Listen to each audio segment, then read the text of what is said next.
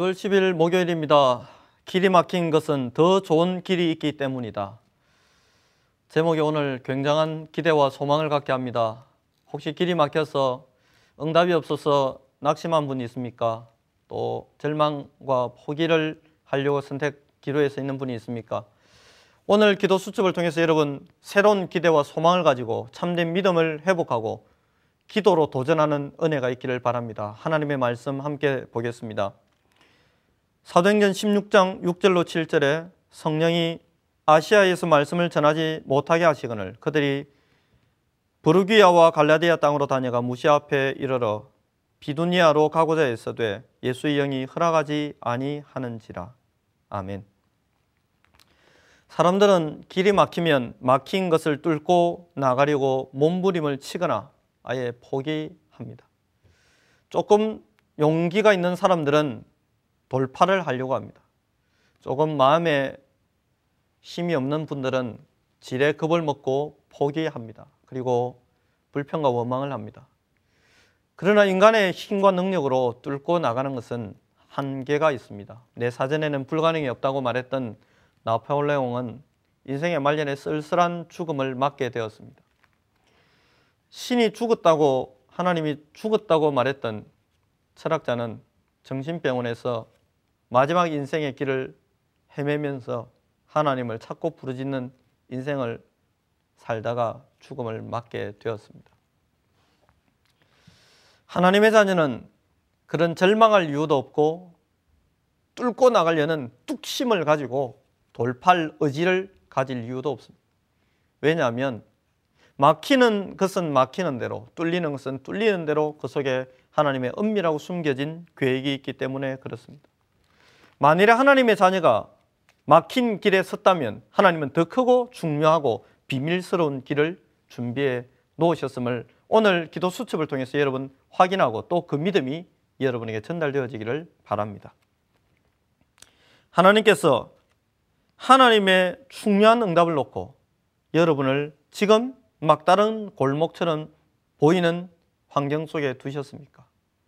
사방으로 우게 쌓임을 당했다 할지라도 하나님과 통하는 길은 열려 있습니다. 그렇다면 하나님의 뜻을 찾기 위해서 우리는 어떻게 해야 할까요? 첫 번째입니다. 조급병을 고쳐야 합니다. 빨리 응답받고 싶으시지요? 조급병을 고치십시오. 조급병을 고치려면 근원적인 믿음과 확신이 있어야 합니다. 하나님께서 분명히 예정해 놓으셨습니다. 하나님께서 분명히 준비해 놓으셨습니다. 하나님께서 분명히 예정 속에 응답을 마련해 놓으셨습니다. 아브라함은 아들을 주실 것이라는 언약을 받았습니다. 그리고 25년을 기다렸습니다.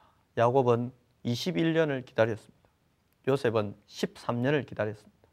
다윗도 오랜 시간을 기다려야 했습니다.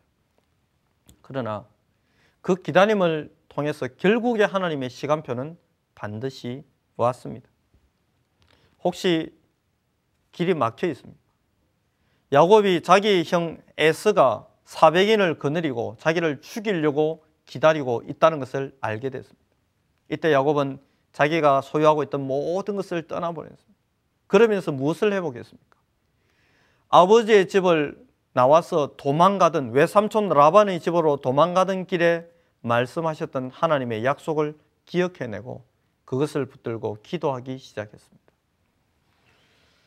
지금 어떻게 할까를 고민하지 마십시오. 그리고 하나님의 언약을 다시 한번 더듬어 보십시오. 그리고 그 언약을 붙잡으십시오. 기도하기 시작한다면 하나님은 여러분의 기도에 응답하실 것입니다.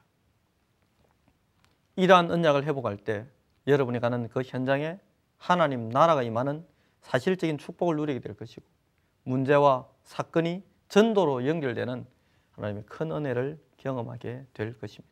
두 번째입니다. 성령 인도를 받기 위해 고민하면 큰 응답이 일어납니다. 우리가 할 일은 딱 하나 있습니다. 성령 인도를 받는 것입니다. 성령 인도를 받기 위해서 몸부림칠 때 하나님은 큰 응답을 주십니다. 사도행전 13장 1절로 3절에 보면 이들이 성령 인도 받기 위해서 몸부림을 쳤다는 것을 우리는 확인할 수 있습니다. 서대반의 일 때문에 흩어진 사람들이 어떤 것이 성령의 인도일지를 깊이 생각하며 성령 인도 받았습니다. 베니게, 구브로, 안디오까지 이르렀습니다. 초대교회 성도들이 깊은 성령 인도를 받기 위해서 몸부림쳤습니다. 성령 인도 받기 위해서 베드로와 요한이 올라가는 그 길에 하나님은 전도의 큰 문을 열어 놓으셨습니다. 성령 인도가 무엇인지를 알기 위해서 깊은 기도를 하던 바울에게 하나님은 마게도냐라는 큰 응답을 준비해 놓으셨다는 사실을 깨닫게 하셨습니다. 어떻습니까? 성령 인도를 받기 위해서 몸부림칠 때 손해 보지 않습니다. 오히려 더 큰 축복을 꼭 누리게 됩니다. 성령 인도를 받기 위해서 세 가지를 참고하십시오.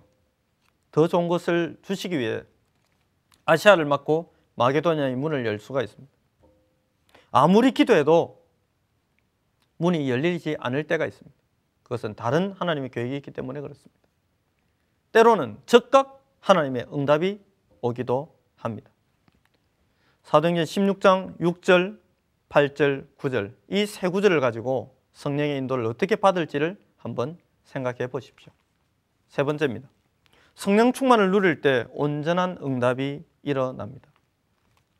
바울은 하나님이 주신 길을 발견하고자 애썼습니다. 그 애쓰는 과정 속에서 그 기도 속에서 바울은 성령의 충만함을 받아 누렸습니다. 요셉이 성령의 충만함을 받으니까 14년 뒤를 내다볼 수 있게 되었고 요셉이 성령 충만을 받으니까 그 14년의 기간 동안 해야 될 일에 대한 정확한 계획을 세울 수 있었습니다.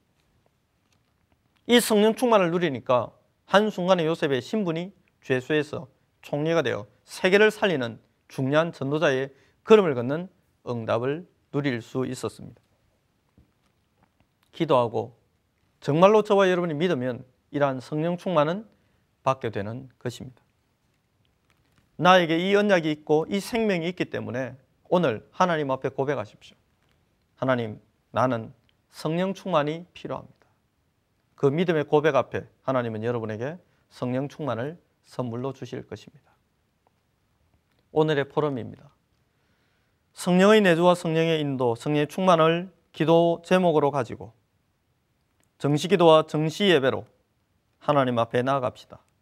하나님께서 우리에게 준비하신 새로운 길을 보는 깊은 묵상으로 들어가 보십시오.